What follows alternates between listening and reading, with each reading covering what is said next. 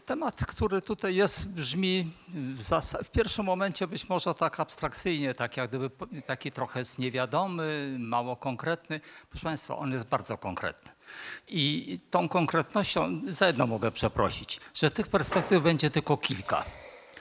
Dla, znaczy, żeby po prostu dla wartości tematu, bo zagadnień jest tak wiele, każde jest tak ciekawe i potem są jak gdyby takie kolejne odnóżki do, kon, do kon, kolejnych konkretnych zagadnień, że wybrałem kilka. I wydaje mi się, że te spojrzenia, które tutaj pozwolę sobie y, przedstawić, jednocześnie chciałem troszeczkę odnieść y, w ogóle do rzeki. I jednocześnie w kilku miejscach odniosę bezpośrednio do Wawra, ponieważ y, mamy świadomość, że Wawr leży bezpośrednio nad Wisłą. Nie tylko administracyjnie, ale praktycznie rzeka tutaj podchodziła kawałeczek stąd i to był i to jest brzeg Wisły, który zresztą do dzisiaj jest wyraźnie czytelny przestrzeni. Pokazuję Państwu zdjęcia y, takie, które pozwolą wprowadzić y, w atmosferę wykładu. Y, Tutaj jest Wisła również. Dlaczego jest inne? Akurat to tylko pokazuje to jedno, ale możemy spojrzeć na rzekę w kategoriach historycznych, to co się powtarza najczęściej, ale możemy spojrzeć y, również jeszcze z innych perspektyw. Naziemnej i z lotu ptaka. Z lotu ptaka jest też wiele poziomów. Można spojrzeć na Wisłę w postaci obrazów wykonanych, czyli obserwacji, wykonanych w zakresie widzialnym, no ale fascynujący świat ten niewidzialny. A tam rzeka wygląda zupełnie inaczej. Na przykład zakres y, w podczerwieni, zakres termalny, zakres mikrofalowy. Okazuje się, że to są, pokazuje nam taką rzekę, która była na przykład 5 tysięcy lat temu, znaczy dolinę. To sko- doskonale jest widoczne. To, co Państwo tutaj widzicie, ja może jednak y, pozwolę sobie na moment y, obrócić.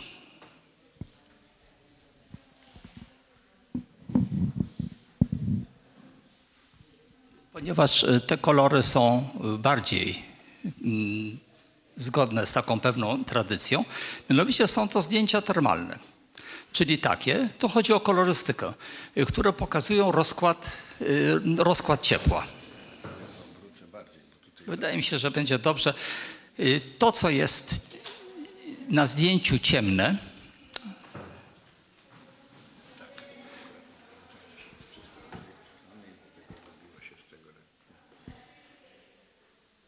to, co jest na zdjęciu ciemne, kolory niebieskie, to jest zgodnie z naszym odczuwaniem. Są to obszary o niższej temperaturze. Kolory zimne. Te miejsca, które są najcieplejsze, są pokazane w kolorach jasnych, żółtych, czerwonych, aż do białego. Zgodnie z tym, co odczuwamy. I teraz warto spojrzeć, y, miejsce rozumiem, że Państwo rozpoznaliście strukturalnie. To jest mniej więcej y, skrzyżowanie Marszałkowskiej i Jerozolimskich pokazuje zdjęcia, które są wykonywane w środku nocy. To nie jest w ciągu dnia, to jest w nocy. W ciągu dnia był upał, potem się wszystko wydaje, że robi się chłodniej. Tymczasem w różnym, różny sposób. Są budynki, które w środku nocy, o godzinie drugiej w nocy, są tak nagrzane jak piekarniki. Jak w takich warunkach pracować, wypoczywać. Widzimy również, jak wygląda Stare Miasto dachy, innego typu architektura, innego typu elewacje już powodują, że jest, jest luksus mieszkania właśnie w takich chłodnych, chłodnych miejscach. Podobnie tutaj Wawer, gdybyśmy mieli porównać, dlatego że są domy, są wśród drzew. Popatrzmy również na Wisłę, która jest dalej i nawet w środku nocy jesteśmy w stanie zobaczyć dokładnie jej przebieg i no w tej chwili już nie podaję temperatur, bo to można bardzo precyzyjnie wyliczyć z dokładnością do jednej, do kilkusetnych stopnia. Z taką dokładnością. To jest oczywiście związane z emisyjnością. Widzimy, że jest chłodna i widzimy, jak wygląda Stare Miasto, jak wygląda Ogród Saski, że to są całe takie miejsca, w których są enklawy innego klimatu. I mając to na uwadze, proszę uprzejmie teraz popatrzeć na te zdjęcia, które będę Państwu również w trakcie pokazywał, że tak samo można zobrazować Wisłę, bo to już pozwala rozumieć te, y, ten, tę skalę o- obserwacji, tę metodę. I każde środowisko, które nam się wydaje, że już wiemy, co na nim jest, to tak naprawdę nie wiemy. Mamy jednakowo na przykład powierzchnię jakiejś, nie wiem, ławicy piasku, ale okazuje się, że część jest bardziej podmokła, wygląda z wierzchu identycznie, część jest bardziej sucha i to wszystko również wychodzi na tego typu zdjęciach. Czyli już y, zwrócenie uwagi, że nasze takie ludzkie obserwacje w zakresie widzialnym to jest w zasadzie tylko niewielka część y, obserwacji, które można dokonać. Już nie będę więcej kręcił. Chciałem to zwrócić uwagę y, Państwa, że będę odnosił się do dwóch takich podstawowych form wnioskowania i sposobu myślenia. Czyli w gruncie rzeczy będę również mówił o, o tym, jak funkcjonuje nasz mózg. A więc co możemy zobaczyć w zależności od tego, którą, która część mózgu jest w tym momencie włącz, włączana i też również jakie mamy predyspozycje. Zwracam uwagę przede wszystkim na dwa poziomy. Jeden to jest taki wrażeniowy, powiedziałem, że nawet troszeczkę zwierzęcy, w których nie ma pojęć, czyli nie ma nazw, i nie ma abstrakcyjnych pojęć. To jest to, co odczuwamy bezpośrednio, tak jak zwierzęta. I to jest ta część emocjonalna. Jeżeli, po, jeżeli o czymś powiemy, no jak to wygląda, no to wygląda tak.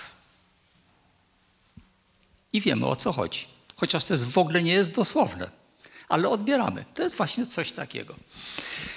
Z kolei tych naj, najbardziej ewolucyjnie wyżej, współcześnie wykształconych poziomach y, kory mózgowej następuje inny poziom przekształceń, racjonalna, czyli ta część mózgu, w których pojawiają się pojęcia, pojawia, inaczej, pojawia się język, a więc pojawiają się pojęcia. I w tym momencie, a ta część ma zaledwie kilkadziesiąt tysięcy lat, to naprawdę niedawno mamy sytuację, w której zaczynamy budować pewne opisy. Pojęcie rzeki. Zwierzęta nie mają takiego pojęcia. No, oczywiście wszystko bardzo, bardzo lokalne. Temperatura. Zwierzęta mają tylko ciepło, zimno i tak dalej.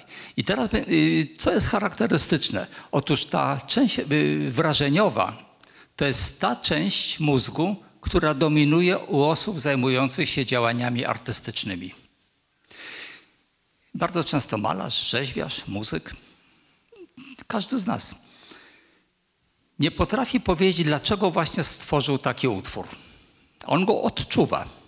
To jest, przepraszam, no to, ten obraz tutaj czuje, jeden będzie czuł powiew, drugi będzie widział.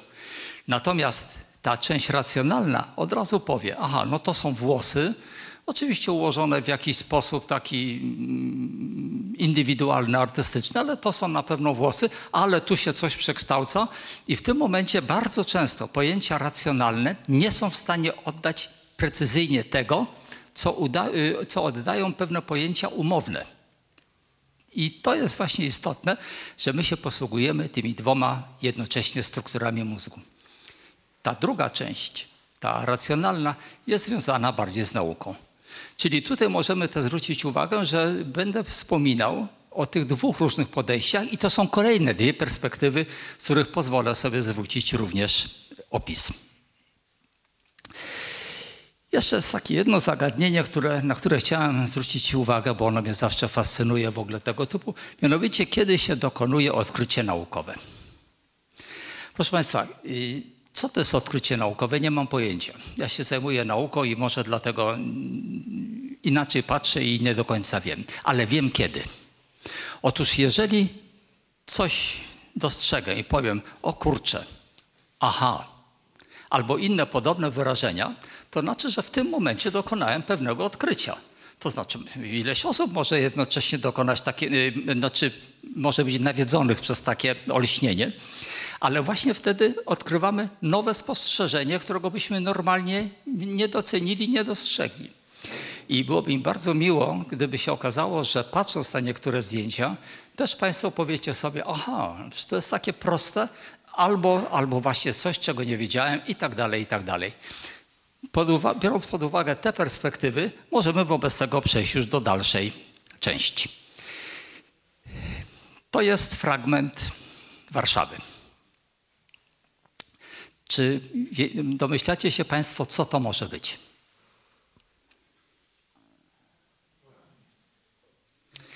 Cokolwiek Państwo powiecie, mogę zapewnić że y, o, o Państwa sukcesie, macie rację. Dlatego, że każdy zobaczy to, czego wzorzec ma już w pamięci. Zresztą to zdjęcie to, to jest rzeczywiście fragment Warszawy, są to dokładnie stawy Brusmana, ale większość osób nie ma tego typu wzorca pamięciowego, w związku z czym będzie porównywało to, co widzi, do tego, co, co jest znane, najbliższe. I wiele osób, tu jest całkowicie wyłączona ta struktury myślenia y, racjonalnego, tego naukowego. Opieramy wszystko praktycznie na wrażeniach. Jakie macie Państwo wrażenie, żeby to opisać? Co to może być? Chcecie komuś opisać przez telefon, że właśnie w tej chwili widzicie tutaj y, w Ośrodku Kultury w Wawrze tego typu obraz i, i co? Co on przedstawia? Odcisk siedmiorannego światła na świeżo zamardzający I też ma Pan rację. Nie, po prostu takie mogą być wzorce. Bardzo wiele osób porówna to do rozgwiazdy. To w ogóle nie jest rozgwiazda, ale nie mamy innego wzorca. I proszę zwrócić uwagę, w niektórych przypadkach będę o tym mówił, że obrazy, które czytamy, odbieramy, są zapisane tak, że my widzimy, ale widzimy to, co jesteśmy w naszej, świadomi- naszej świadomości w stanie rozpoznać. Jeżeli nie mamy takiego wzorca, musimy go się nauczyć od początku. Proszę Państwa, to jest coś strasznie prostego. To jest fontanna z lotu, obserwowana z lotu samolotem. O taka po prostu. Proste? Proszę?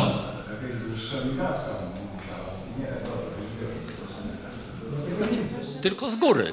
Ale już od tej pory, i to jest właśnie to, to jest właśnie to dokonane odkrycie, że o Jezu, no to może tak z góry widać. No oczywiście widać jeszcze, że był wiatr, że ta woda falowała, takie drobne, nawet widać kierunek wiatru, ale proszę zwrócić uwagę, jeżeli nie mamy wzorca, my się tych wzorców musimy uczyć. I to, że dzisiaj pokażę Państwu wiele nowych wzorców, wiele nowych spojrzeń, to właśnie będzie ten element rozbudowania y, naszego umysłu, możliwości percepcji. Już teraz wiedząc o takich mechanizmach, chciałem Państwu powiedzieć, a trafiło mi się to zdjęcie, niech będzie.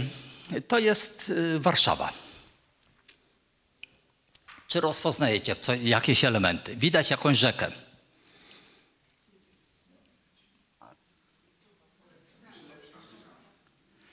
I, znaczy nie będę tak zawieszał głosu dłużej.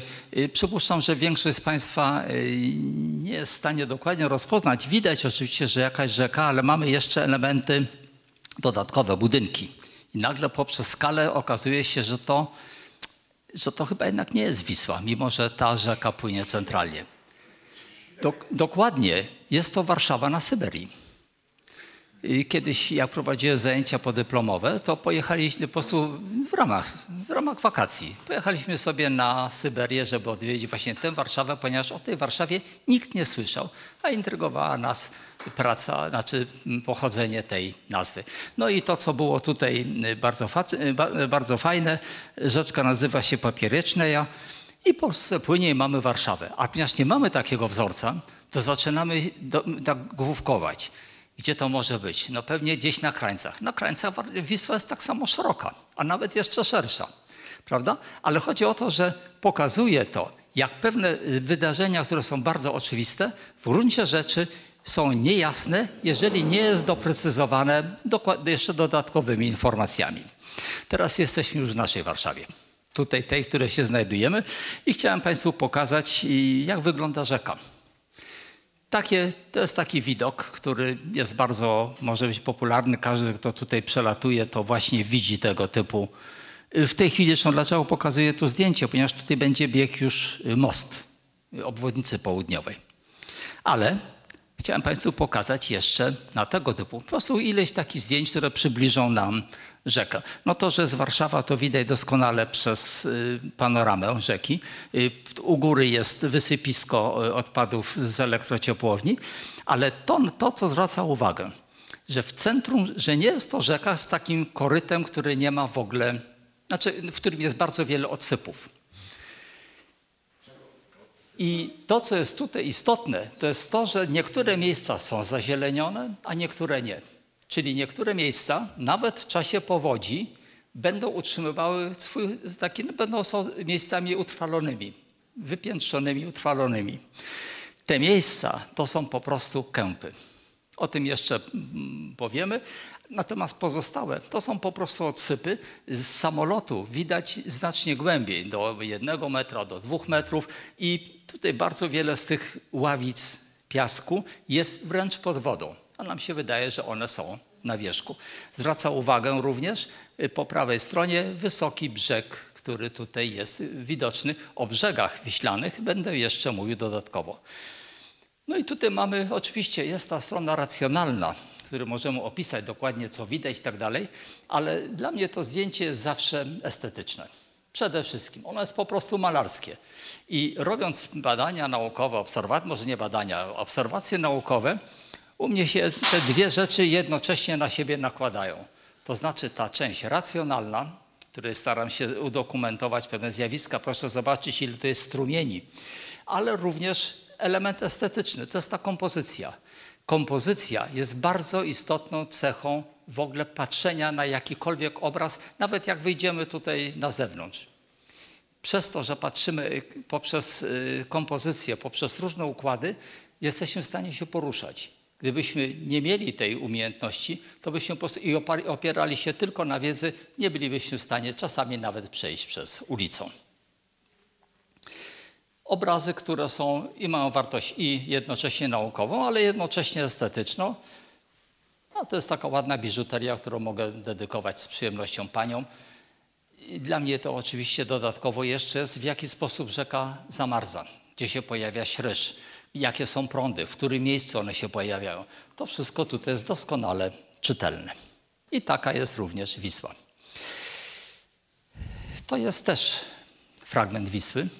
Ale po to, żeby zrozumieć Wisłę Wyślaną, to musimy, to jest zresztą też jedna z, z metod badawczych, gdybyśmy chcieli tylko dane zjawisko opisać, to bardzo często nie jesteśmy go w stanie w ogóle dostrzec. Po to, żeby coś dostrzec, trzeba po prostu wyjść poza dany układ. Jakikolwiek układ. Zresztą znamy y, to z, z codziennego zachowania. Coś chcemy wymyśleć, nie jesteśmy w stanie. Co należy zrobić? Jeżeli problem jest mały, można wyjść na papierosa, na, na spacer z psem. Jeżeli problem jest większy, a sami mamy takie życiowe zagadnienia, problemy, wówczas trzeba wyjechać na miesiąc. I wtedy te sprawy, przez to, że nabieramy nowej perspektywy do rzeczy znanych, nowego y, odniesienia, zaczynamy inaczej i w inny sposób je dostrzegać. Żeby zrozumieć Wisłę w Warszawie, warto pomyśleć, a jak wobec tego wygląda Wisła poza Warszawą? Czy wygląda tak samo? Tu nie chodzi oczywiście znaczy tylko o szerokość, ale również charakter doliny. To jest charakter doliny pod Kazimierzem. Proszę zwrócić uwagę, że jest to doskonale widoczna dolina. Aha, to jest po prostu wycinanka w trawniku. Ona jest specjalnie po to, żeby odwrócić uwagę od tego, co jest, co jest na tym zdjęciu dla mnie najciekawsze. Ale skały są na podłożu białym, wapiennym, czego Przedtem żeśmy sobie być może wiele osób nie zdawało z tego sprawy. Wobec tego popatrzmy, co jest dalej. Proszę zobaczyć, jakie piękne odkrywki i to znaczy, że rzeka w tamtej okolicy przepływa przez zupełnie inne utwory geologiczne. To jest fragment od wielkiego ciepłego oceanu, który 250 milionów lat temu pokrywał cały ten teren i w tym ciepłym oceanie odkładały się, zamierały normalnie przez miliony lat. Po prostu na przykład plankton, ale również i większe zwierzęta, bo możemy tam znaleźć również y, zęby rekinów i tak dalej. One się osadzały. I to, co widzieliśmy, to są właśnie osady zdeponowane na dnie tego zbiornika i to jest zupełnie inny charakter. W Warszawie, znaczy w rejonie Mazowsza, czegoś takiego nie ma. Aha, czyli już możemy sobie pomyśleć wobec tego, gdzie się kończy tamten obszar, jak wygląda dzisiejsza i dzięki temu możemy dostrzec, co zaraz pokażę, że Wisła tutaj to jest po prostu iły, piaski, gliny. A więc zupełnie innego rodzaju środowisko. A woda znaczy to, co nazywamy Wisłą, po prostu prze, wody y, przedzierają się, żłobiąc kory, koryto w głąb i się wcinając w głąb danego podłoża. Y, Tamten fragment to był przełom, y, mało, to był przełom małopolski, przełom w rejonie święt, święt, Gór Świętokrzyskich. Ale to, co jest ciekawe tutaj, no, pokazuję też, bo brałem udział w takich odstrzałach, żeby móc zobaczyć, znaczy po prostu pobrać na żywo, bezpośrednio. Nie to, że gdzieś tam składowane. Był taki odstrzał, też tym brałem udział i po prostu skały, które lecą, można zobaczyć na świeżo po rozłupaniu wspaniałe organizmy, które żyły kiedyś. Takich obiektów w rejonie Wisły, tutaj w Warszawie nie ma. Możemy znaleźć natomiast y, większe zwierzęta, y, tury, bizony, nie, y, znaczy tury, to, to nie były wtedy żubry, ale w razie tej wielkości zwierzęta. To oznacza, że nie było Proszę? Również i tutaj. Wszystko się zgadza. Y, To od razu odpowiem. Mianowicie u nas też jest ta warstwa kredy, ale jest dużo, dużo głębiej. Po prostu jest dużo, dużo głębiej i pokażę Państwu to. Y, A potem dopiero na to zostały nałożone, nasunięte z północy kolejne warstwy. Także my w tamtych warstwach w ogóle y, do kredy nie jest, znaczy one są pod nami. Warto też pamiętać, że na pod nami, pod Warszawą i tutaj pod Wawrem są pokłady węgla y, kamiennego. W części kamie, kamienno-brunatnego, czyli chodzi o to, jaki, w jakim czasie one były utworzone. Bo węgiel kamienny to jest też ileś milionów y, rozległych lat. I popatrzmy, jak wygląda ten materiał tych skał, przez które się Wisła przedzierała, wcinając się, y, spowodował, że właśnie nawet y, zaczęły funkcjonować kopalnie. To jest kopalnia taka słupowa w Bochotnicy. I po prostu z tego kamienia zbudowany jest praktycznie Kazimierz. W Warszawie nie ma domów zbudowanych z gliny. Z tego materiału, który nam tworzy Dolina Wisły. Gdybyśmy wzięli pod mikroskop tę dolinę, to byśmy mieli właśnie tego typu obraz. Czyli bardzo dużo różnych otwornic, y, znaczy różnych elementów y, związanych y, z dawnymi organizmami, których skorupki po prostu opadały i budowały tego typu strukturę. Warsza, znaczy y, Dolina Wisły tutaj w rejonie Warszawy, a to mówię, szeroko Warszawy pojętej, bo tu mamy specjalnie wziąłem koło y, Wyszogrodu, to po prostu wygląda o właśnie tak, jak tutaj teraz widzimy. To jest zupełnie innego typu gleba i to jest też y, ważne, bo to po prostu są innego rodzaju podłoża. I warto sobie po prostu to uświadomić, ale dlaczego? Znaczy, co nam ułatwia? To jest to, że spojrzeliśmy z tej innej perspektywy, z perspektywy yy, małopolskiej Wisły, tego przełomu. Yy, To specjalnie przy, m, żeśmy z kolegą przygotowali, profesorem Dzierżkiem z Uniwersytetu Warszawskiego, do, takiego, do takiej trzytomowej książki poświęconej właśnie Warszawie. I chciałem pokazać poszczególne elementy tego, co jest pod Warszawą. Proszę zobaczyć, jaka jest malusieńka Wisła. Tutaj, w wysokości. Tutaj jest kreda, o którą Pan pytał. Na to nałożyły się oligocen. To są te iły z piaskami i żwirami. Na to zostały potem nałożone mułki, piaski kwarcowe i węgle brunatne. Potem na to są w pliocenie mułki, iły, pstre. Potem mamy jeszcze gliny. Mamy bardzo wiele skał takich mulistych, które zostały osadzone. Innego, in, innego rodzaju nawet organizmy żyły, które to tworzyły. I, a przy okazji, już jak mówimy o tym oligocenie, to właśnie to jest ta warstwa, w której, z której pobierana jest woda oligoceńska. I wiele osób myśli, że to jest taki prawdziwy zbiornik wody. Nie, proszę Państwa. To, to nie jest zbiornik w, naszym, w takim rozumieniu yy, zbiornika wody, no, tak jak wanna. Nie, to są po prostu grube, znaczy y, y, bardzo gruba, bo to jest 40-metrowa, ponad 40-metrowa warstwa iłów i piasków ze żwirami. I przestrzenie między tymi ziarenkami to właśnie jest, to są te przestrzenie, w których, w których zgromadzona jest woda. No tu już nie będę wchodził, dlaczego to jest cała taka niecka, ale to pokazuje nam i warto zwrócić uwagę, że Wisła to jest jedno, to jest dolina, bardzo wyraźna, ale jednocześnie na prawo mamy cały szereg jeszcze kolejnych poziomów wzniesień. Tak jak gdyby, i to jest coś, co będę chciał Państwu przekazać, ponieważ jest to zupełnie nowe ujęcie, również takie, które nam pozwala nie tylko zrozumieć Wisłę, ale również spojrzeć w całkowicie innej perspektywy. I w tym momencie dochodzimy do momentu, do, w tym momencie, dochodzimy do momentu, w którym możemy powiedzieć o rzece, że ona zaczyna powstawać. To jest oczywiste, że kiedyś Wisły nie było, skoro był ocean, potem były jeszcze y, kolejne rzeczy. Ale wobec tego, jest, jakie są prapoczątki Wisły? Y, Otóż y, w pewnym momencie następuje, były kolejne etapy zlodowaceń. Y, Lądolud się prze- y, przesuwał na południe, kiedy było zimno, kiedy klimat miał niższą temperaturę, cofał się, kiedy były okresy oci- y, ociepleń i sobie tak po prostu oddychał, tak jak gdyby taki lądolud oddychał. I, ale on sięgał, on sięgał oczywiście jeszcze dalej, on pr- prawie pod Tatry y, sięgał w którymś momencie, ale tutaj w rejonie Warszawy 16 tysięcy lat temu, to naprawdę nie tak dawno. 16 tysięcy, 2000 jest, y, mamy epokę y, od narodzeń Chrystusa, to te 16 tysięcy to jest, to jest w ogóle porównywalne w skali geologicznej już do naszej cywilizacyjnej. Była następująca sytuacja. Otóż lądolud sięgał mniej więcej tutaj Warszawy. To znaczy w rozumieniu kilkadziesiąt kilometrów, bo on się też, też cały czas pracował. Z góry, z południa spływały wody, ponieważ jest naturalne obniżenie i co się działo? Te wody nie miały jak odpłynąć. Skoro nie miały jak odpłynąć, to się gromadziły u czoła lądolodu. I tutaj w rejonie Warszawy powstało wielkie rozlewisko rzeczne. W tym miejscu, tutaj, no mniej więcej.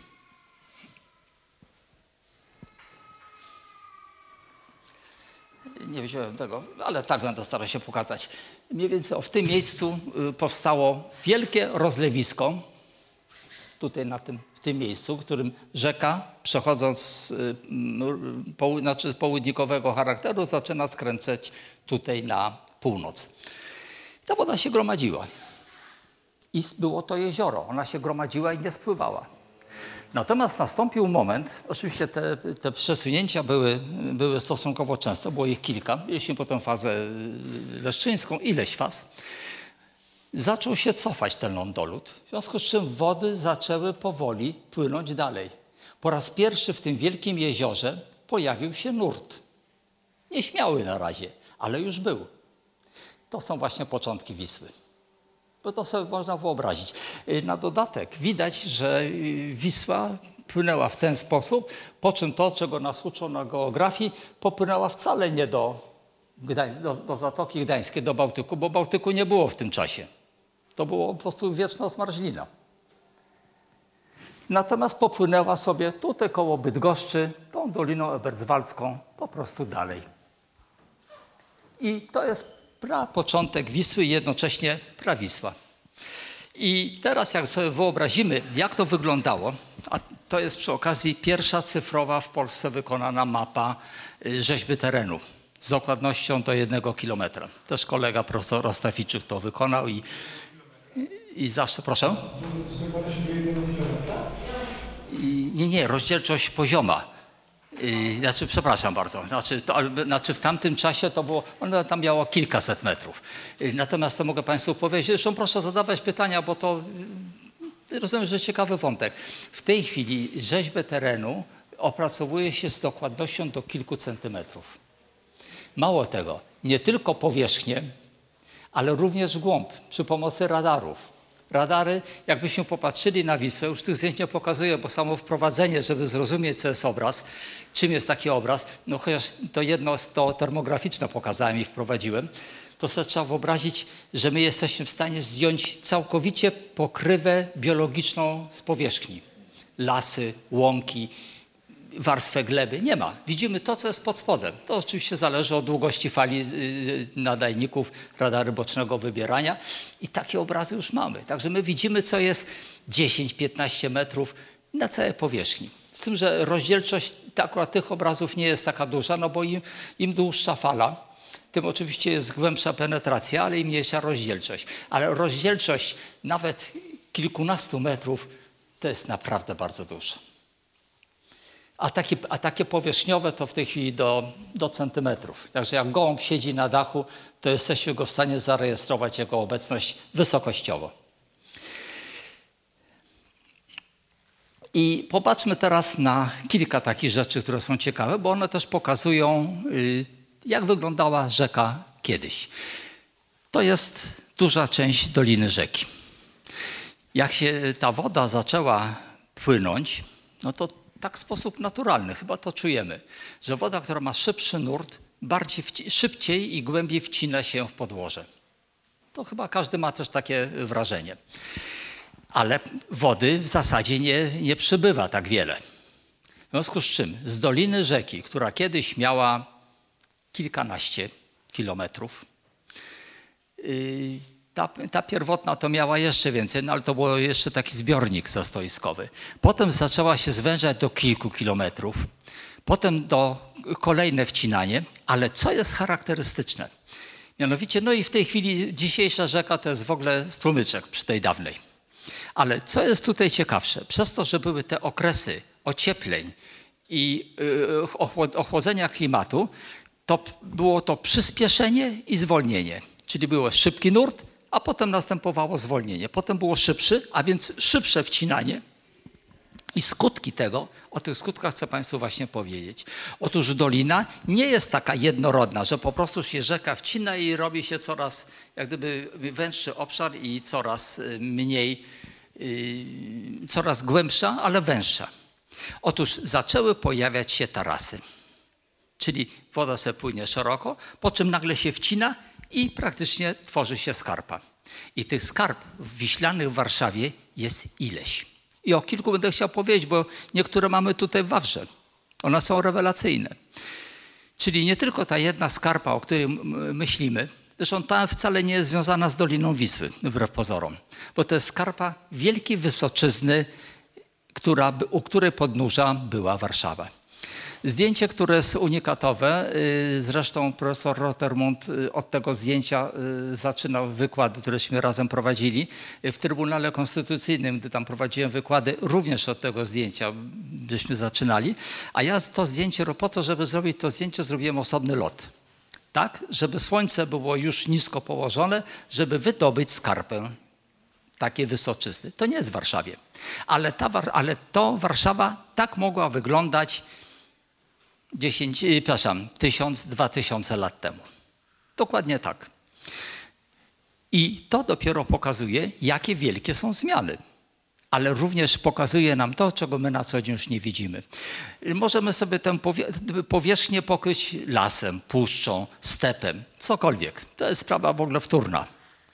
Istotna jest ten uskok i dolina rzeki, taka sama jak istnieje dzisiaj. Po lewej stronie mamy wysoką skarpę, tą, którą my nazywamy skarpą wiślaną. I woda rzeki podchodziła pod samą skarpę, pod sam zamek, pod samy kościół y, kamedułów na Bielanach. Natomiast proszę zwrócić uwagę, co się dzieje po prawej stronie. Płaski brzeg. Tak również jak jest dzisiaj w rejonie Warszawy, mianowicie jest to brzeg praski.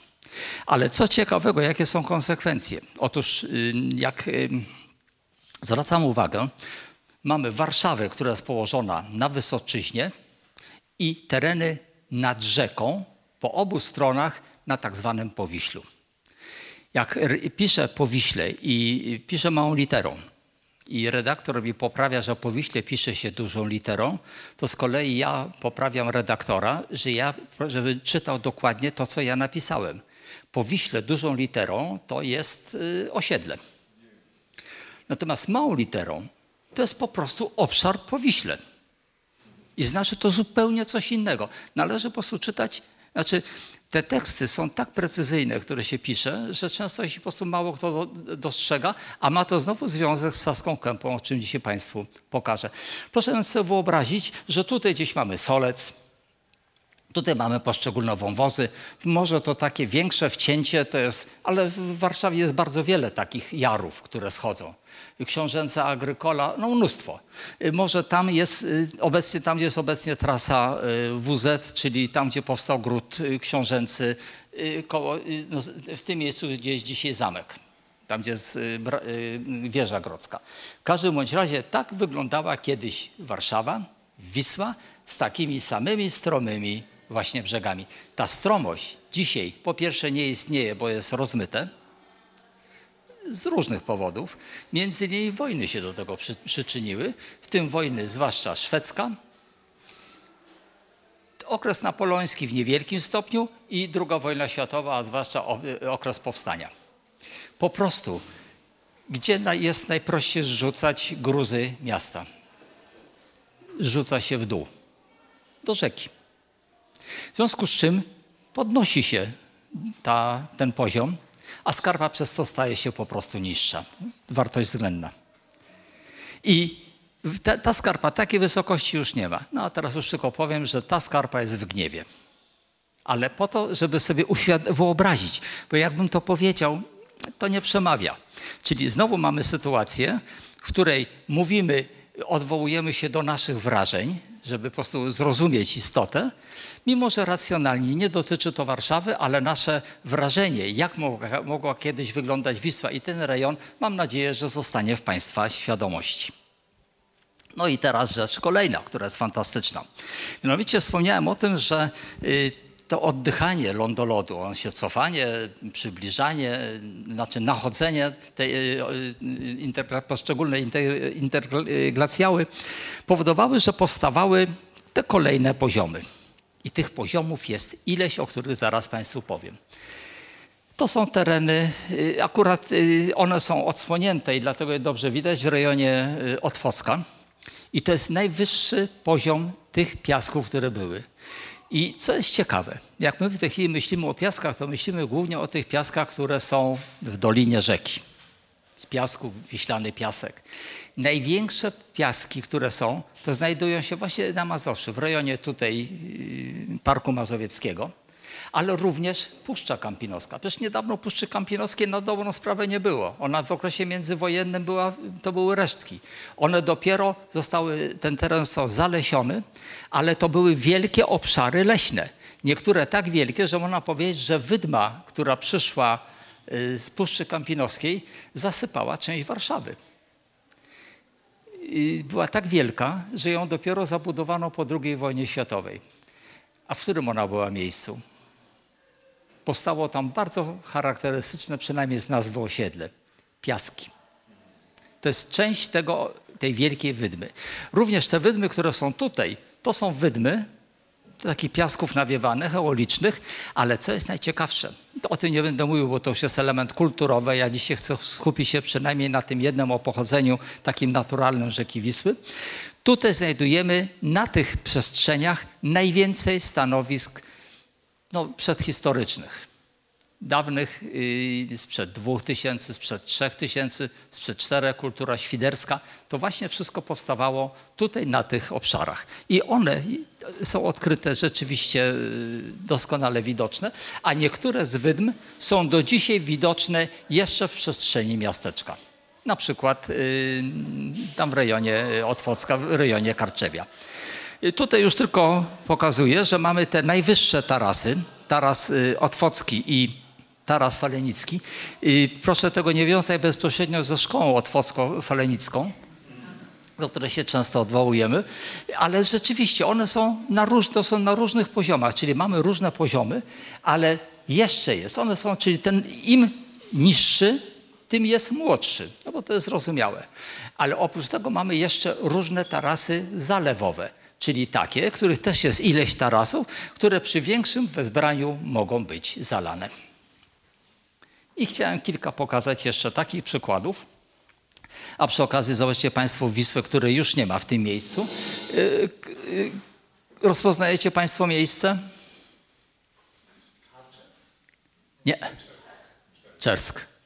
Po lewej stronie zamek, po prawej stronie, tam na samym skraju, Wisła, ale pozostałość Wisły jest na całej szerokości zdjęcia. To jest Dolina Rzeki. Proszę zobaczyć, jak pięknie, on ją, tę dolinę znakomicie widać. Tak Wisła płynęła jeszcze w XIII wieku. I pewnego dnia, bo to mógł być dzień, jeden, jakieś drzewo utknęło, zablokowało wody, był lód, było bardzo zimno, zrobiło się zatorowisko y, takie lodowe i Wisła wobec tego popłynęła nową drogą, sobie wyżłobiła i popłynęła półtora kilometra dalej. To, to był tylko moment. I tak zmienił to jedno drzewo, ja nie wiem, czy to było drzewo, no, zmienił bieg historii, ponieważ gród w Czersku, który był znaczącym, to już był gród, nie, nie a gród był kościół, był zamek, przestał mieć rację bytu. Natomiast pozostałością bezpośrednią Wisły jest starorzecze, które leży u podnóża Skarpy i to jest również pozostałość po dawnym biegu Wisły.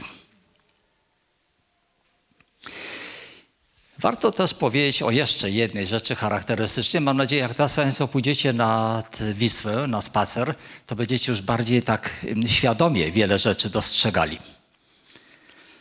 Jak ktoś ma wyobraźnię, to jeszcze więcej niż, niż ja mówię, ale to każdy od siebie zawsze dokłada cegiełkę.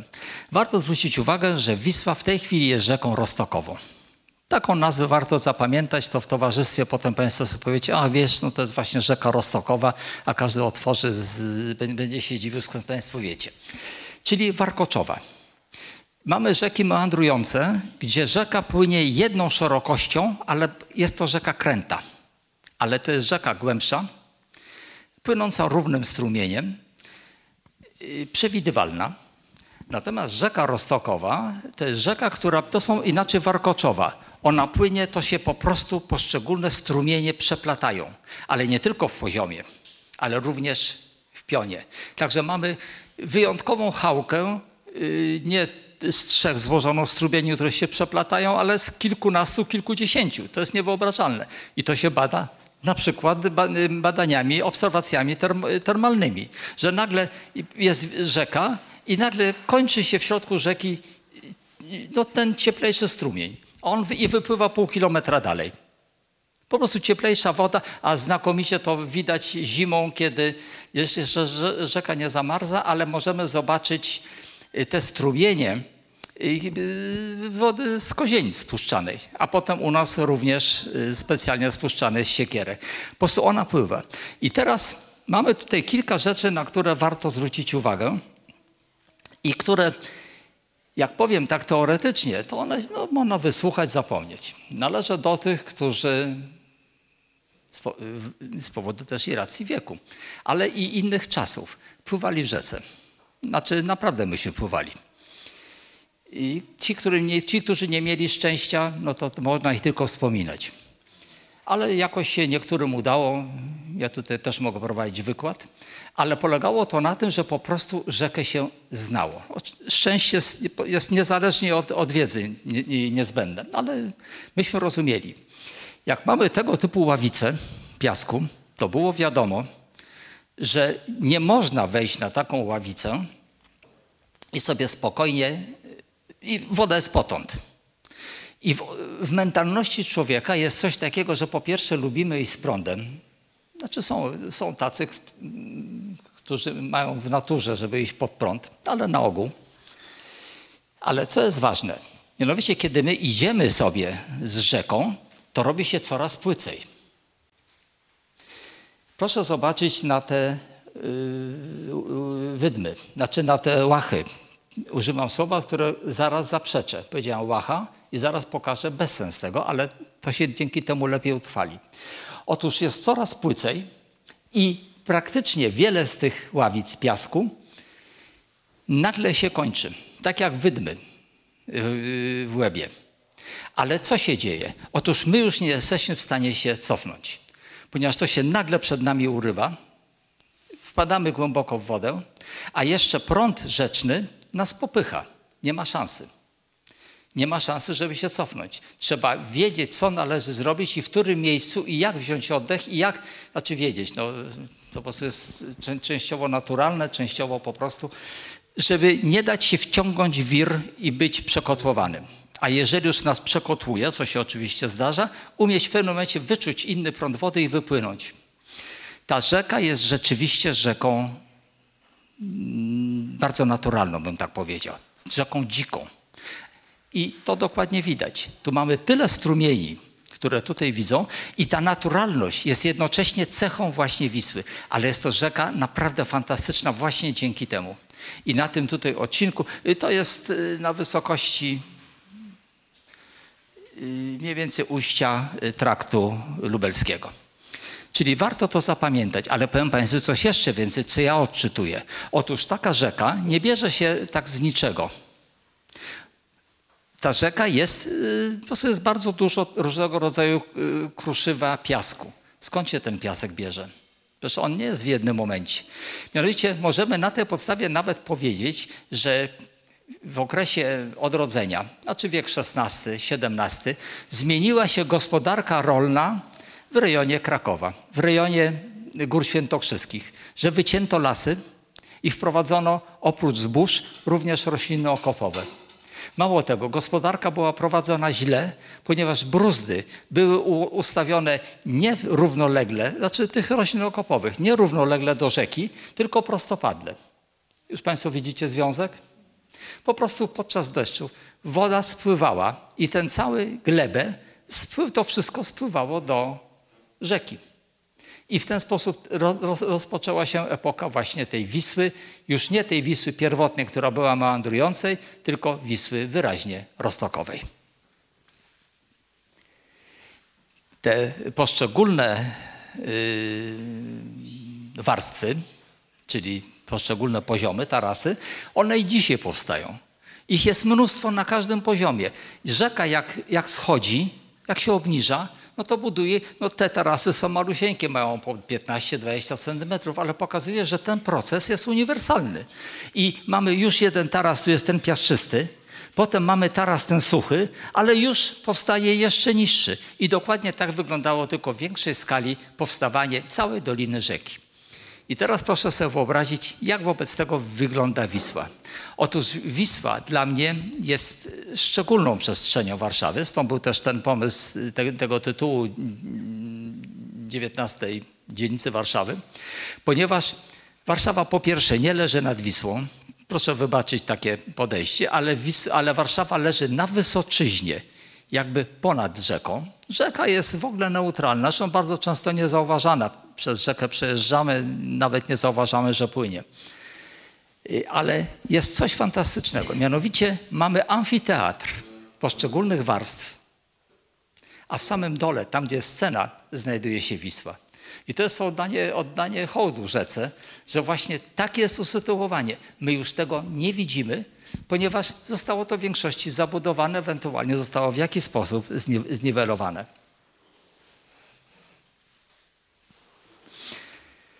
Pokaz, to widzicie Państwo poszczególne, to, jest, to wszystko jest taras zalewowy, to jest dno rzeki w tej chwili, ale co jeszcze można wyczytać?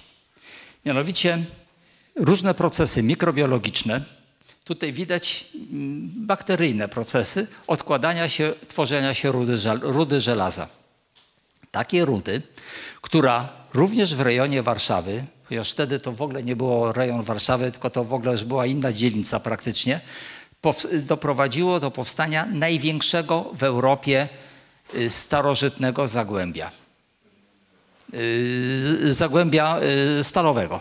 Znaczy, że, znaczy starożytne zagłębie w rejonie Brwinowa i Milanówka to tam właśnie z takiej rudy darniowej, a to mamy jej proces, moment powstawania, zaczęto w Dy- Dymarkach, po- podobne na mniejszą skalę są również w Górach Świętokrzyskich, wytwarzać, znaczy wytapiać y, żelazo, a to z kolei spowodowało, że kraina barbarzyńska, czyli no wszystko co, to, co jest poza Rzymem, praktycznie powstrzymała Imperium Rzymskie przed dalszym, znaczy broń, która została potem z tego wykuwana.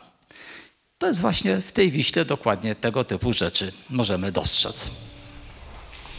A Słupia, tak się to Proszę? A Słupia, tamte, tamte właśnie powiedziałem, nie powiedziałem Gó- Góry Świętokrzyskie, ale tam było mniejsze, stan, mniejsze jak gdyby to Zagłębie, ale wspomniałem, że właśnie Góra, Góra Świętokrzyskich również było to. I też piece demarkowe. Y, W ogóle fascynuje. Proszę Państwa, to jest osobny temat, ale to wszystko wyzwala to pojęcie Wisły.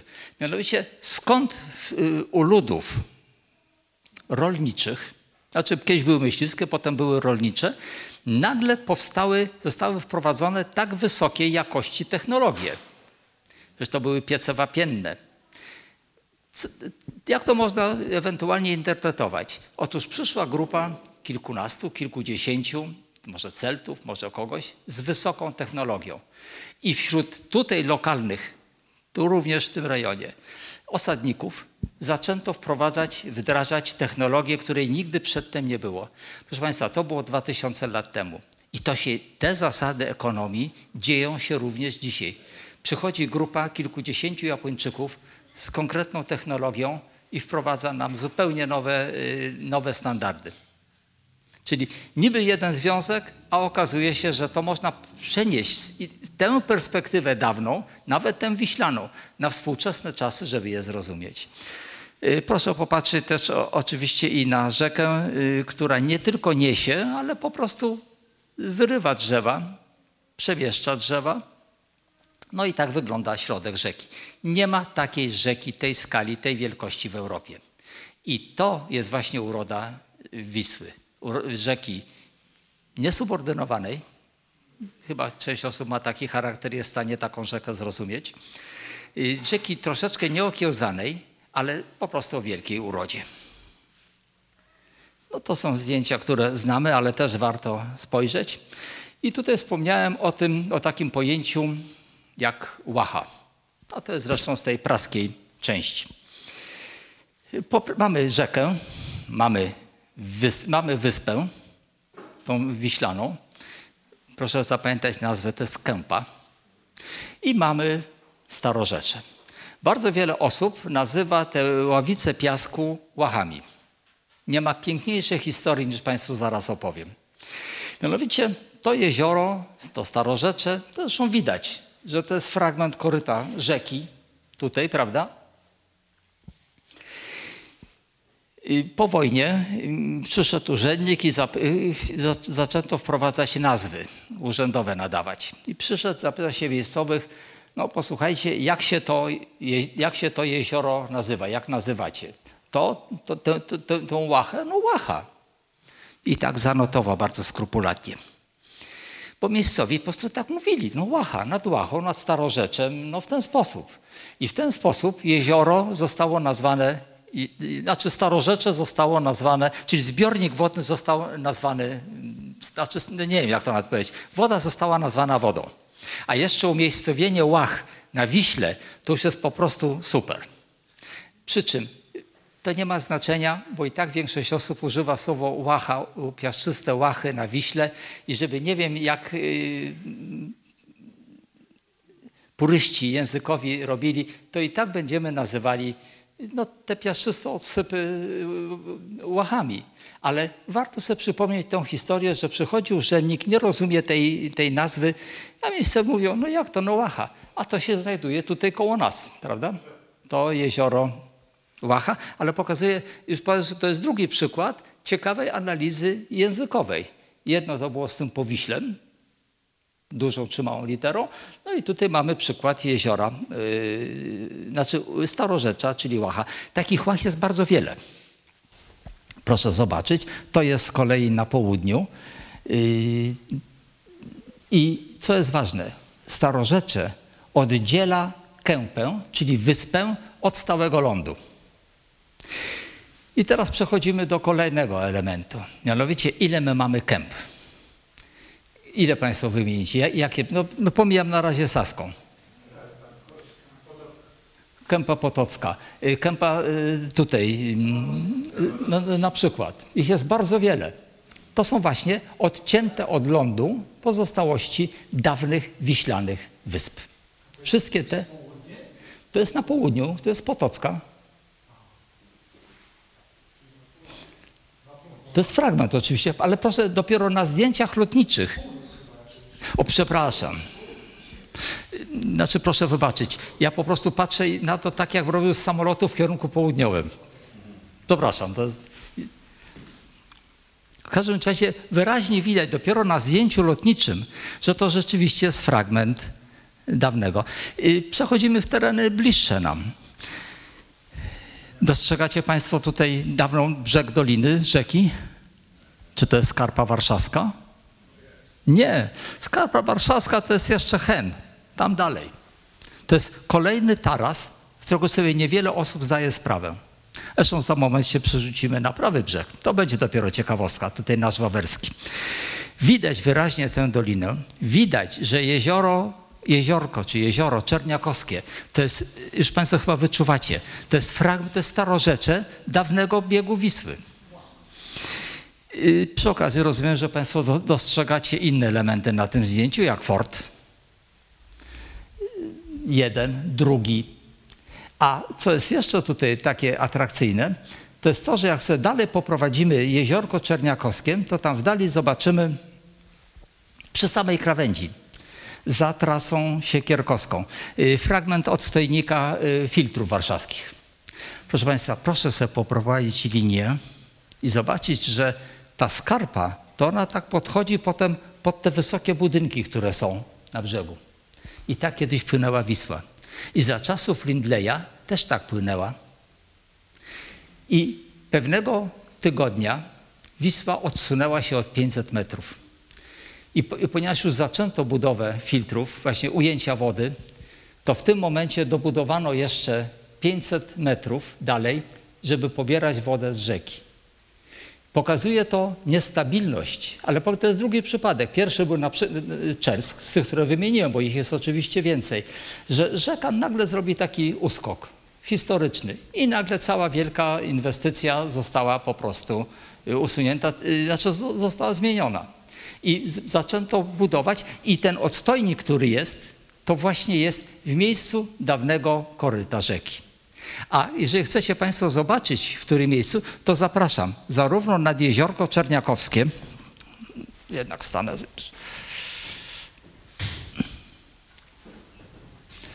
i tutaj w tym miejscu jest cały czas dostęp. Jest, można zobaczyć, że tu jest taka skarpa. Ta skarpa ma 2-3 metry wysokości. I jak, jakbyście Państwo poszli dalej, to jak są tutaj troszeczkę wyżej te, o, tam wyżej. I pójdziecie wzdłuż tych budynków, to zobaczycie, że one stoją na skarpie wiślanej. Po prostu warto czasami w ten sposób spojrzeć, bo mówimy, a jest jakieś wzniesienie. Mało tego, port czerniakowski, który jest, jest też portem, dziękuję bardzo, przepraszam, jest portem, który powstał dlatego, że po prostu to był fragment brzegu. A nagle rzeka usypała, zrobiła nową tą i po prostu zrobiła się taka, taka dziura wodna. I tak właśnie powstał port czerniakowski. No i rzecz, która również jest niebywała. Rozumiem, że Państwo miejsce rozpoznajecie. Zakole Wawerskie. I mówiłem o rzece Rostokowej, a teraz mogę powiedzieć o dawnych śladach rzeki meandrującej.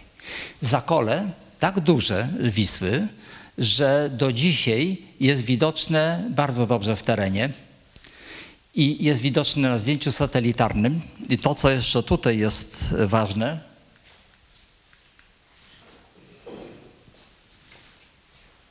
Przepraszam, który? Ten pojedynczy Dobra. w środku. Tak?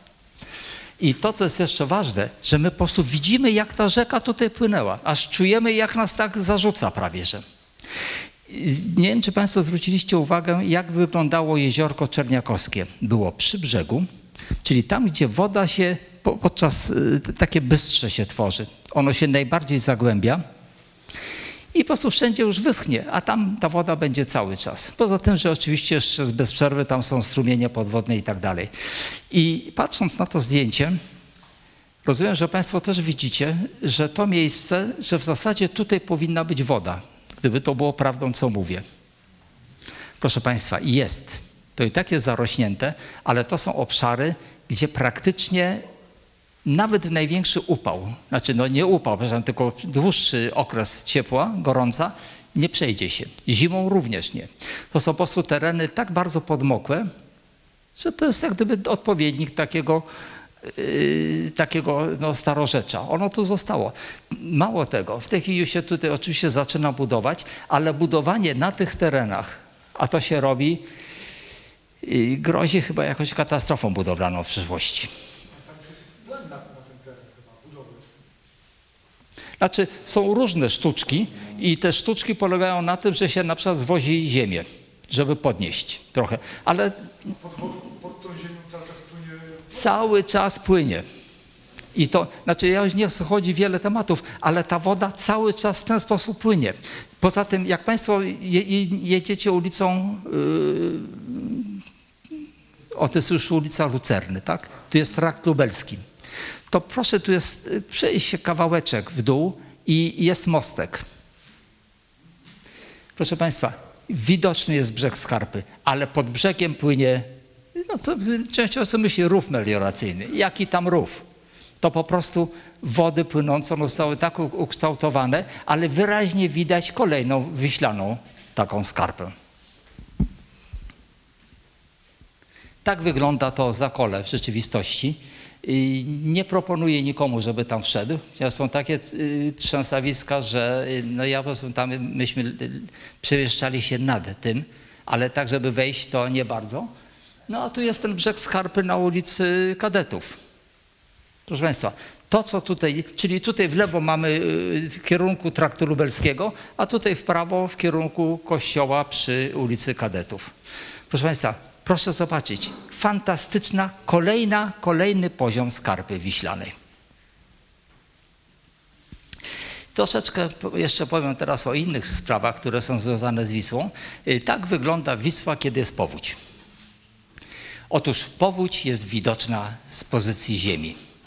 Natomiast samolotu powodzi nie widać. Takiej. To jest żadna powódź.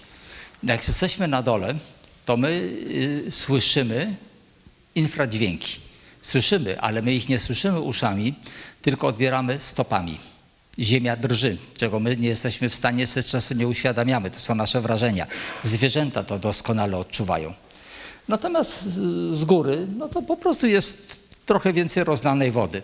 Ale tutaj pokażę Państwu, no i tak wygląda port północny. No, czy tak? A to była ta największa powódź, która była te kilka lat temu. Proszę? A ja powiedziałem? Proszę zobaczyć. Y, Port Praski. I, I po prostu to wygląda nijak. Natomiast to, co pokażę teraz, a no, no to jest ważne, tutaj można się strasznie smucić, bo to są y, ogródki piwne pod zamkiem. I tak wygląda powódź, kiedy spojrzymy. To jest y, ujście, y, jeszcze powiem Bugu, ale świadomie, bo dla mnie to będzie zawsze Bóg, ale to obecnie już Narwi, pod Modlinem. Otóż mamy powódź również tam u góry, gdzie jest y, rozlewiska w Kry. Proszę Państwa, powódź jest tylko na Wiśle.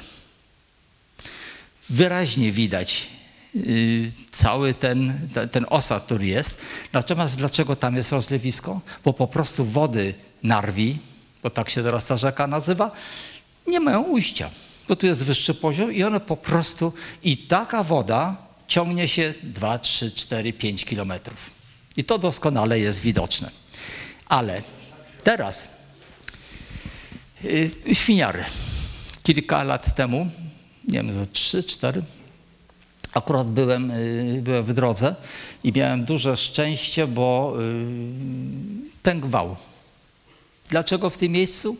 No tak jak, tak jak wypadek. Po prostu nie, nie wiadomo kiedy się wydarzy i, i po prostu, y, dopóki się nie wydarzy. Pękł wał i zalało. To było w jakieś 15-20 minut po pęknięciu wału. Y, Wtedy oczywiście poszedł sygnał, y, również y, piloci zaczęli przylatywać z tych wszystkich aeroklubów. Miałem to szczęście, że miałem takie pozwolenia, że wszystkich pilotów wycofano i były tylko mój samolot, znaczy no, pilotował i policyjny. Y, Dlatego, że jak jest iluś pilotów, takich amatorów, którzy przylecą, żeby popatrzeć i każdy zafascynowany tym, co widzi na dole, to spokojnie by dwa samoloty poszły do wody. ale dzięki temu udało się sfotografować coś, co było ewenementem. Tak właśnie wygląda przerwanie wałów. Ja mogę o tym jeszcze powiedzieć i powiem Państwu, że to było jest drobiazg w porównaniu z tym, co jest po powodzi. Dopiero wtedy zaczyna się problem. Dlatego, że no, co zrobić z tą ilością piasku? Jak przez taką małą szczelinę, ona w stosunku do tego poprzedniego poszerzyła się o 5 metrów, czyli to jest nic, wpłynęło tyle piasku. To jest niewyobrażalne. Na wysokość do półtora metra. Jak ja potem pojechałem i w jednym z tych domów, którykolwiek możemy sobie wybrać, nawet tych domów tych i nie widać, zobaczyłem dwoje młodych ludzi, którzy przyjechali y, traktorem z przyczepką i łopatami ładowali piasek, żeby sobie mm, odpiaszczyć pole, to powiem Państwu, że to mi zostało w pamięci. Odpiaszczenie takiego kawałka to jest, to jest, nie wiem nawet ile to jest przyczepek. Nawet niech tam będzie tylko metr w tym miejscu. Ale drugi problem, gdzie tę ziemię wywieźć?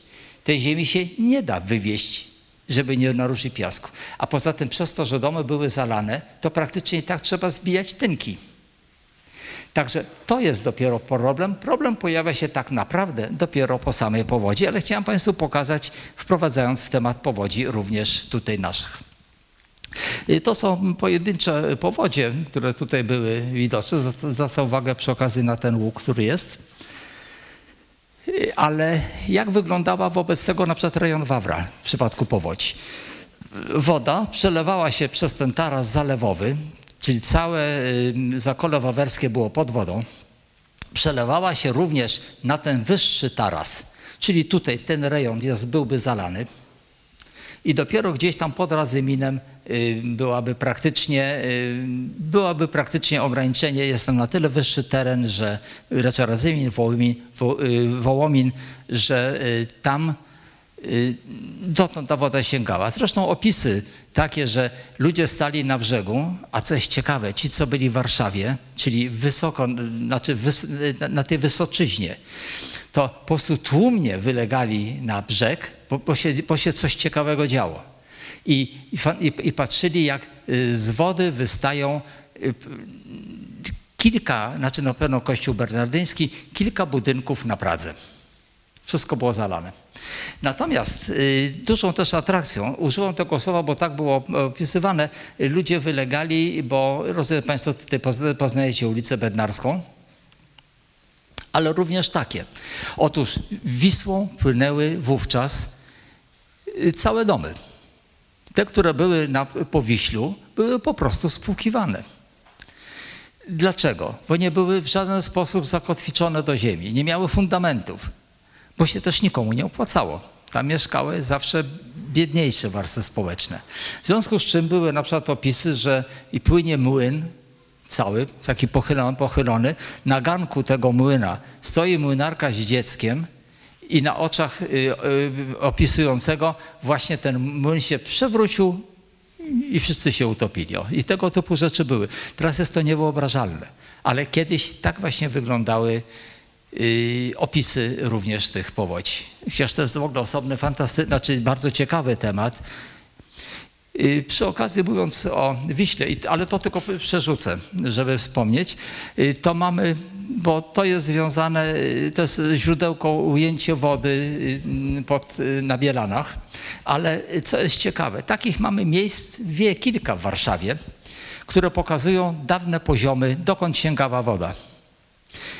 To jest właśnie to jedno na tym źródełku. Ale drugie, i tu chciałem Państwa poprosić w tej chwili o taką mentalną y, wycieczkę. Miejsce, rozumiem, rozpoznane. Pałac Wilanowie. Jak pójdziemy sobie tutaj w lewo, pójdziemy do parku i idźmy w kierunku jeziorka. Zaraz za pałacem, jak pójdziemy lekko w lewo, jest spadek, no takie zejście. Proszę Państwa, to jest jeden z uskoków kolejnego poziomu tarasów wiślanych. I Teraz nam to pokaże, dlaczego w tym miejscu został pałac y, w Wilanowie wybudowany. Mianowicie jak zejdziemy, to zobaczymy sobie park, a w tym parku yy, kiedyś te poszczególne tabliczki były na drzewie. Jest coś takiego. Proszę popatrzeć, co mają wspólnego y, ten szereg taki arytmetyczny po prawej stronie. Co on może wyrażać? To nie jest żaden ciąg liczbowy. To są po prostu poziomy wód w danym roku. Tych najwyższych zalewów. To znaczy, że jak ludzie tutaj stoją, ci, którzy byli na zdjęciu, y, raz, y, raz, dwa, trzy, cztery, trzy niech będzie. Od góry trzy, tam 1934 rok, to znaczy, że gdyby wtedy byli w czasie tej powodzi, w tym roku, byli w tym miejscu, to byliby pod wodą. Pałac w Wilanowie znajduje się w prawo i teraz dopiero z tej perspektywy, czyli właśnie trzeba tę perspektywę znaleźć, jak popatrzymy, jest na kolejnym wzniesieniu. To jest po prostu kolejna skarpa. I dlatego właśnie tam go posadowiono, ponieważ była bardzo duża szansa, że tamta skarpa nie zostanie zalana.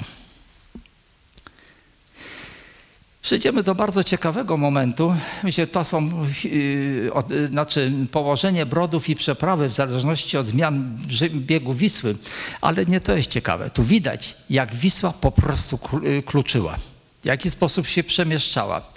I teraz kolejna historia, która jest moim zdaniem znowu fantastyczna. To jest dosłownie to jedno spojrzenie, tego się nie odczyta z żadnej mapy, tylko z tej perspektywy. Czy Państwo widzicie tutaj przebieg dawnej rzeki? No chyba jest czytelne. I teraz to, co tutaj widać. Mianowicie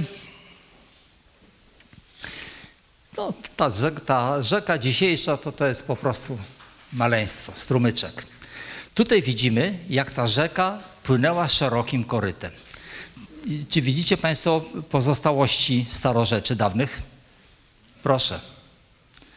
Proszę. No i oczywiście jeziorko Kamionkowskie. To jest bieg dawnej rzeki. Kiedy jedziemy autobusem, samochodem aleją y, Waszyngtona, poznajecie Państwo, w którym to miejscu jest? Tutaj. Trasą łazienkowską, tędy, to my widzimy ogródki działkowe. Ale teraz, po tym wykładzie, będziecie Państwo wiedzieli, dlaczego w tym miejscu są ogródki, ogródki działkowe a nawet jaki jest ich charakter.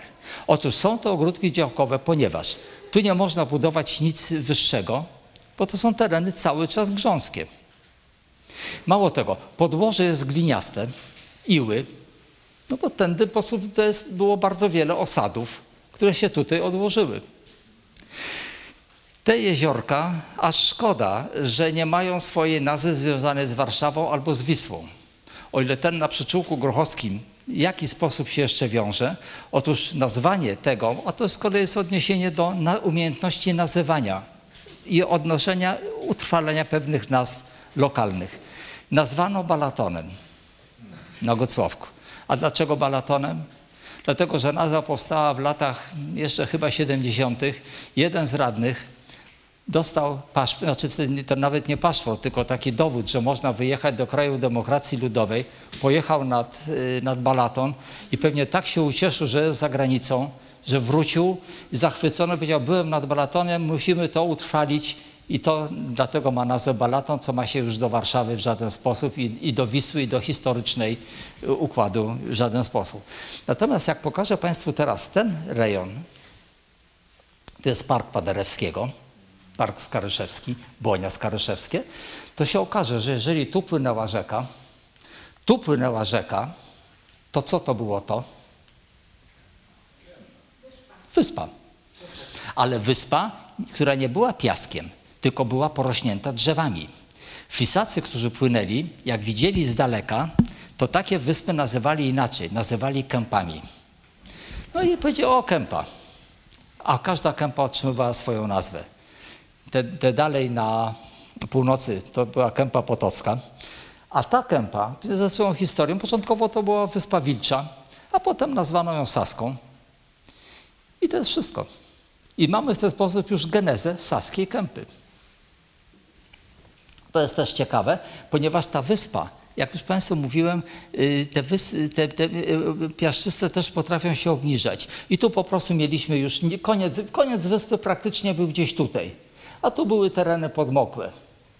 To, to, nawet nie były łąki, to były pastwiska. To trzeba odróżnić. I jak je wykorzystano? Otóż po wojnie, drugiej, po II wojnie po prostu tutaj zaczęto zwozić gruz z Warszawy, no bo nie było go do, dokąd wywozić, Y, a jednocześnie, żeby wykorzystać ten gruz, to postanowiono tego uformować w postaci takiego obożanka i tak powstał y, Stadion Dziesięcioleci. Właśnie w ten sposób. A natomiast tutaj były to tereny, tutaj te, planowane pod wielką światową wystawę, osobny temat, ale też trzeba właśnie powiązać również z tymi mokradłami, które są.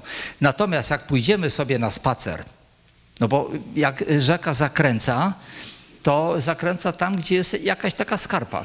Proszę Państwa, mamy tutaj przepiękną skarpę. Tu. To jest pod kościołem na Kamionku, pod Wedlem. To jest dawna skarpa wiślana, a teraz po, tych, po tym spotkaniu będziecie Państwo wiedzieli, że to jest rzeczywiście Wisła, tak płynęła i mam nadzieję, że zapamiętacie ten obraz, ten obraz y, z, spod, spod gniewu i po prostu to się utrwali, że tak rzeczywiście Wisła kiedyś płynęła i na tym wysokim brzegu odbyła się zresztą pierwsza elekcja. Ile mam jeszcze czasu? Znaczy ja proponuję przerwać, znaczy przerwać. Ci, którzy... A ja jeszcze mogę sobie opowiadać, bo mnie to... W razie proszę bez skrępowania. Proszę Państwa, to zdjęcie, to zdjęcie, które Państwo widzicie, to jest Gocław.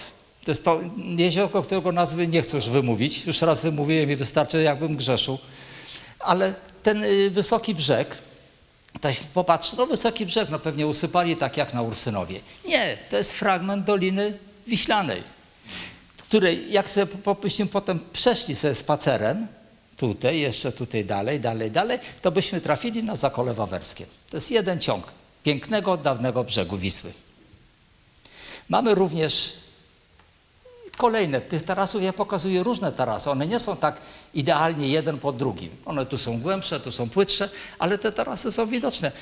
Jeżeli tak popatrzymy, to zobaczymy, że ich jest bardzo wiele. A jeszcze, a Wisła jest tej chwili w lewo. I jakbyśmy popatrzyli, to tam jest ten wysoki brzeg, który jest zresztą na y, ogłoszeniu. Dokładnie. I wtedy się okaże, że tych tarasów jest po prostu ileś, ileś. A jak Wisła jeszcze bardziej opadnie, to tych tarasów się jeszcze pokaże więcej. To powiem jeszcze przynajmniej o dwóch rzeczach. Na koniec będzie rzecz smaczna. Y, warto wspomnieć y, o. Znaczy, tu jest Wisła bardzo wąska. Y, natomiast chciałem zwrócić uwagę na to miejsce tutaj korsetu praskiego. To jest Wisła najwęższa. Mało tego, to jest to miejsce, gdzie Hubert Kowalski yy, szukając świadomie znalazł te piękne relikty Pałacu Kazimierzowskiego. Yy, zresztą też w tym uczestniczyłem. Yy, I potem były wydobywane. Wydobywane, ale znowu dlaczego? Dlatego, że poziom wody tak nisko opadł, że byliby, byli, można je było zobaczyć. Przedtem, jak płetwonurkowie schodzili do... A nie wiem, co sobie zdajecie sprawę wejście do Wisły, nawet jak jest czyściusieńka woda, to widać, no tego stolika to ja bym nawet nie zobaczył. Też nie wiem, czy zobaczę. Jest taka, taka widzialność. I nic nie można było znaleźć. Natomiast nagle Wisła te, te trzy lata temu, chyba trzy lata temu, tak opadła, że po prostu wszystko było na wierzchu. Znaczy wszystko było, to znaczy i te zabytki z Pałacu Kazimierzowskiego, ale również y, niewybuchy y, z, z granatników. No, dużo ciekawych rzeczy było, Zresztą o tym nie ma co mówić. Ale co jest szalenie ciekawe, to ten gorset praski jest najwęższym miejscem na całej długości Wisły, w ogóle Wisły. I tą nazwę warto zapamiętać. Wygląda on w ten sposób. Jest to nie tylko najwęższe miejsce, ale jednocześnie wielkie głazowisko jak, jak, ja słyszałem, że to Szwedzi je usypali, to po prostu się zdumiałem, ale i takie opracowania naukowe są. No, znaczy proszę potraktować, że to już, to już zupełnie jest nie, nieprzewidywalne, ale widać, jak woda się w sposób bardzo wyraźny sposób tutaj podnosi i ten poziom, to jest normalny poziom, znaczy no normalny, normalny średni. Proszę zobaczyć, mamy gładką toń, po czym tutaj łącznie jest spadek około metra, półtora, w zależności od tego, jak, jaki jest ten górny poziom. Czyli to jest tak duży próg rzeczny, to jest po prostu duży uskok. Więc jak te szkuty, też obciążone, mogły przepłynąć przez coś takiego? Po prostu musiały się rozbić. Było pewnie troszeczkę więcej wody, nikt nie zauważył i się po prostu poroz, y, porozbijały wtedy. Ale to zdjęcie jest też jedno z fajniejszych, ponieważ wyraźnie pokazuje ten uskok wody w dzisiejszych czasach widoczny. No tutaj są y, pobierane, to koparki pracują. I każdy kamień, który tutaj jest, został opisany i zinwentaryzowany. To też taka praca przy okazji. No tak wygląda dno Wisły tutaj. To jest jedyne takie.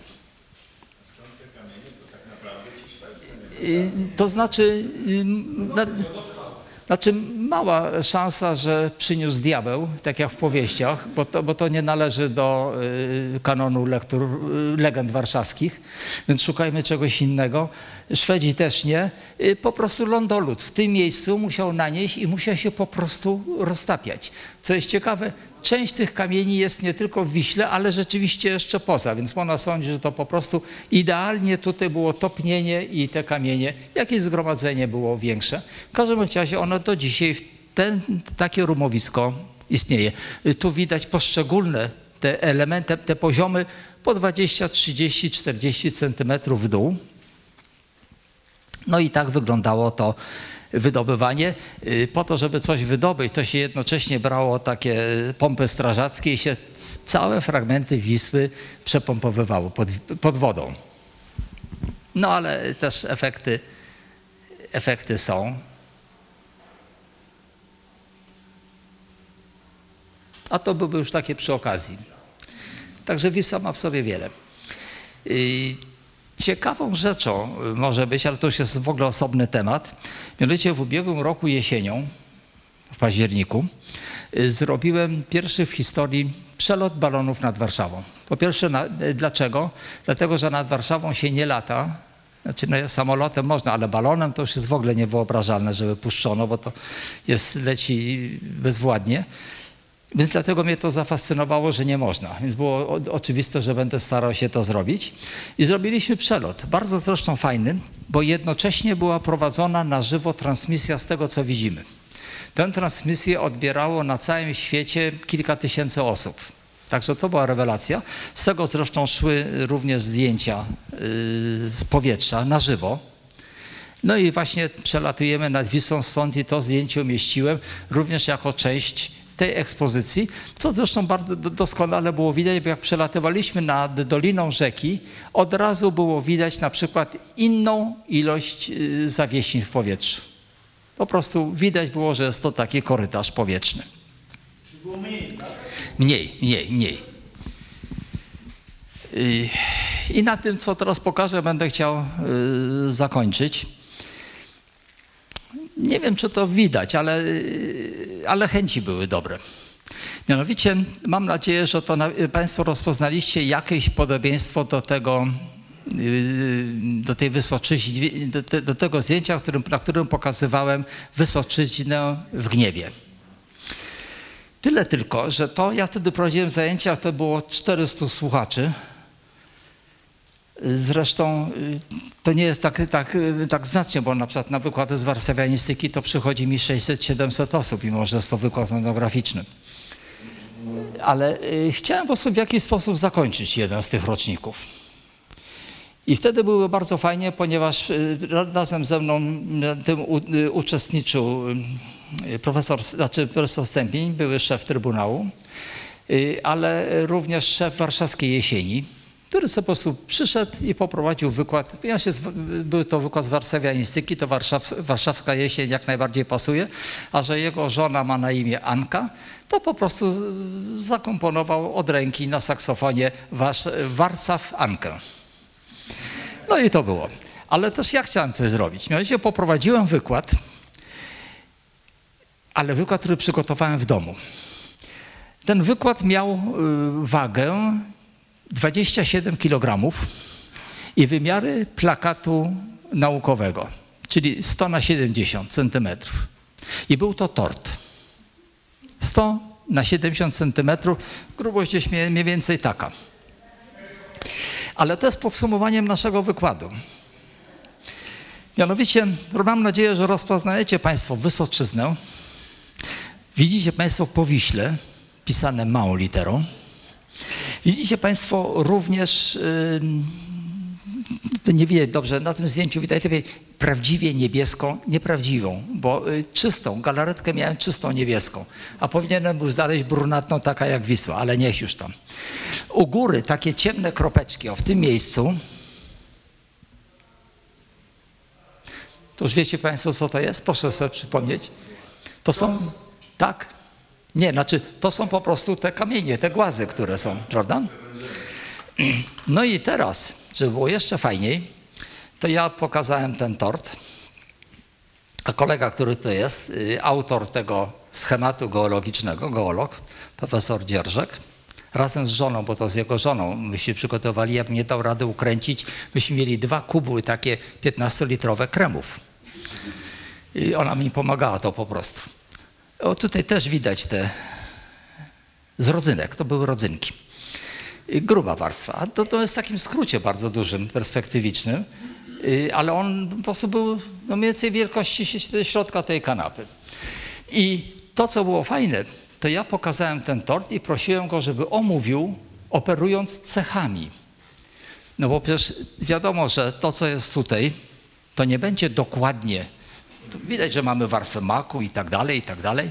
Ale on miał opowiedzieć, jakie są cechy. Często, czy wiecie Państwo, że on doskonale rozpoznał? To znaczy, że, bo to jest osobne zagadnienie, ale wydaje mi się, że bardzo fajne, żeby umieć opowiedzieć nie w postaci dosłownej. To jest warstwa kremu, to jest czegoś, ale to są cechy.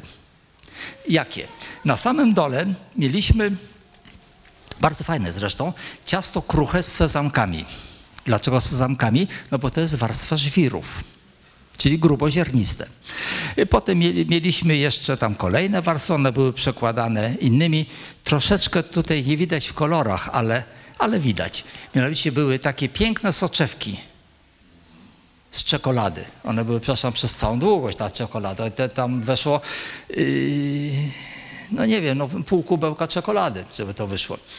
Mianowicie to są te soczewki węgla brunatnego. Mieliśmy oczywiście warstwę, warstwę piasków i żwirów, jak mieliśmy ciasto makowe. Łącznie tutaj było 17 warstw, każda wykonana z innego ciasta. Na wierzchu było warstwo piaskowcowe. Y, to, które było jeszcze wyżej, znaczy to było ileś, no piaskowcowe, bo jak były warstwy piasków, o których Państwu mówiłem, te eoliczne, no to nie mogło być ciasta ani drożdżowe, ani żadne inne, prawda? Także po kolei. I tu jest również warstwa y, czekolady, ponieważ pod spodem y, na tym dopiero mogła być warstwa y, wodonośna, y, oligoceńska. To dokładnie tutaj. No ale warstwa oligoceńska to nie jest tylko ciasto. Co byście Państwo za, zaproponowali? Było to ciasto ponczowe. A dlaczego ponczowe? Dlatego że ją można nasączyć. A czym ona nasądzić? To na pewno nie było to nasączenie wodą oligocenską, tylko tam dałem cały litr rumu. Co nie jest wiele, no ale przynajmniej symbolicznie zostało wprowadzone. Proszę Państwa, to tak chciałem zakończyć, pokazując, że to są, było ileś perspektyw, różnych spojrzeń, ale nie tylko same perspektywy, ale również umiejętność opowiedzenia tego i podsumowania w postaci pokazania tego, o czym mówiliśmy, w postaci cech własności. Przecież wiemy, że to jest zupełnie co innego, ale tutaj mamy cały przekrój Warszawy, jednocześnie Wisły. Tu już mi zabrakło, bo takiej nie widać na zdjęciu tej galaretki wiślanej, ale tam też to wszystko przechodziło. Ale pytanie teraz już na sam koniec. To był inny rodzaj ciasta, specjalny. Co to jest to? Metro warszawskie. I zostało to wprowadzone a było z twardego ciasta, także ono było twarde. No takie metro powinno, nawet jak będą wstrząsy, to ono powinno wytrzymać. Proszę Państwa, dziękuję serdecznie.